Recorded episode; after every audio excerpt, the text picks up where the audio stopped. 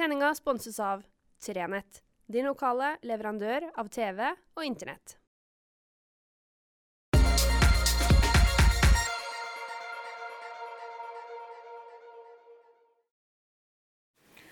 Riktig god fredag. Vi er inne i eh, desember. Det er 3. desember, det er fredag.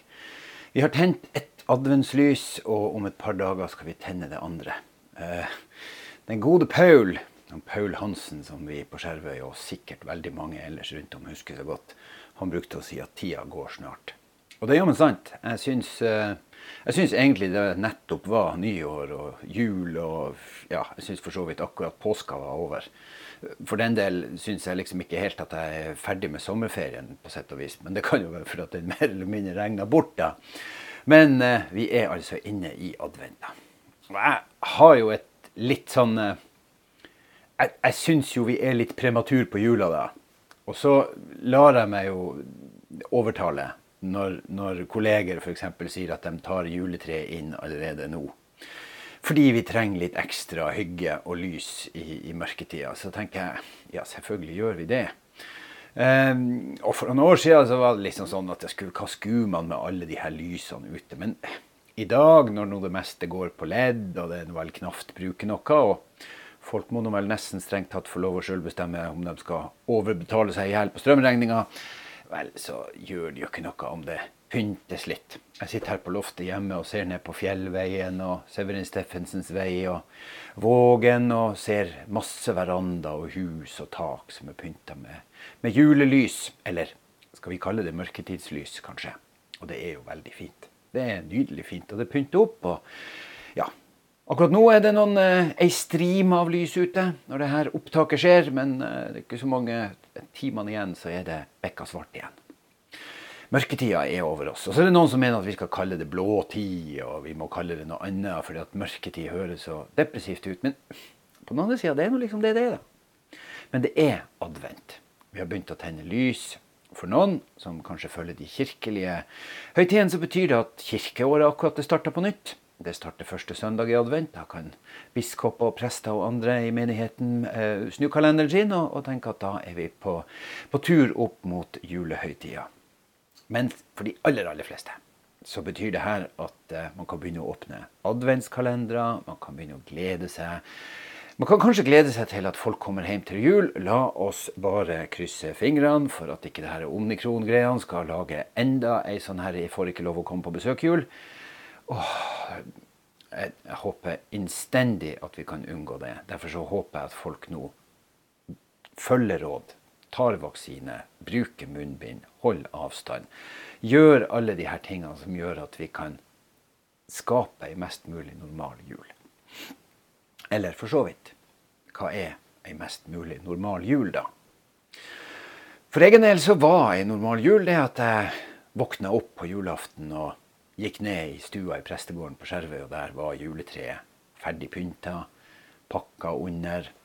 Noen år kom onkler og tante på besøk, andre år så var det bare oss. Det var stort sett en pappa som var på farta, og en mamma som ordna seg ettertrykkelig til jul. Og det var første juledagsmiddag med ordentlig servering. Eh, vi brukte å få Klara på besøk. Da måtte vi ungene sitte med hendene, ikke ha albuene på bordet. og Mamma sin oppdragelse kom ettertrykkelig til syne. det var jul. Og så ble det jul på et annet vis når man ble eldre og stifta sin egen familie. For min egen del så starter jeg for så vidt på nytt. Og jeg og kona mi vi har funnet våres jul, som omfatter at noen år er vi bare tre, og noen år er vi litt flere. Det varierer avhengig av hvilke unger som kommer hjem, og hvem som har mulighet til å være sammen med oss. Og noen ganger så sitter vi, og så sitter vi og drømmer om at ett år så skal vi jammen meg feire jul på hytta. Og så blir det ei anna jul.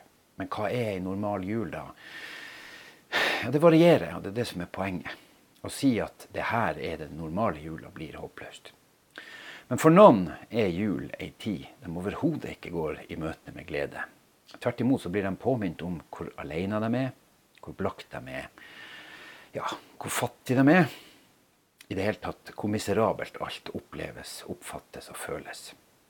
Det tenker jeg at vi andre er nødt til å bidra, sånn at de menneskene, hvis vi kan og hvis de vil, kan få det bedre, få ei bedre jul. Og noen gjør så uendelig mye for akkurat det. De gjør så mye at når jeg skal snakke om det, så blir jeg alltid rørt. Jeg tenker på eh, Gledelig jul til alle, eller Hverdagsgleder. Jeg tenker på Frivilligsentralen i Lyngen. Jeg tenker på Røde Kors i Nordreisa. Og ja, rundt om overalt så er det noen helter. Noen hverdagshelter. Som ikke gjør det lille ekstra. Nei da. Det lille ekstra, det er hvis du tar på deg munnbind nå. Eh, da gjør du det lille ekstra. Det store ekstra, det kjempestore spranget, det er det sånne folk som Lene og Kirstian, Kåre Bjørnar og, og Sigrun og en del andre folk gjør. De gjør det store ekstra. Det virkelig ekstra ekstra.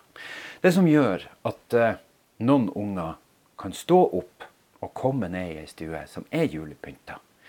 Som kan oppleve at jula lukter pinnekjøtt eller ribbe, surkål, brus, smågodt. At det er, at det er signal i TV-en, at bredbåndet er kobla til. At det faktisk står et juletre i stua. Og ikke minst at det er pakka under treet. For meg er det helt fjernt. Jeg har alltid hatt det jeg trengte. Jeg har aldri mangla noe som helst, verken i kjærlighet eller materielle greier. Jeg har levd et liv på rette sida av flaksstreken. Jeg trakk gullkortet, ble født i Norge, ble født i en familie som hadde det de trengte, og som hadde ressursene til å skaffe det. Og da jeg ble stor sjøl, så klarte jeg å skaffe det på egen hånd. Men for noen så har de havna ut i et eller annet som gjør at man ikke er på den sida av flaksstreken. Det kan være uvørenhet, det kan være ukyndighet, det kan være uflaks, sykdom. Det kan være så mange grunner. Og i noen tilfeller kan man kanskje si at voksne folk som har rota det til for seg sjøl økonomisk, eh, må, må, tåle at man ikke har råd til all verdens. Men hvis det er barn inni det, partnere osv., så, videre, så tenker jeg at da må vi stille opp. Da må vi hjelpe til. Derfor var det meg en fryd i år å kunne ringe en av aktørene som driver med gaver, og si at vi i Framtid Nord kunne stille med noen kroner. Det gleder mitt hjerte.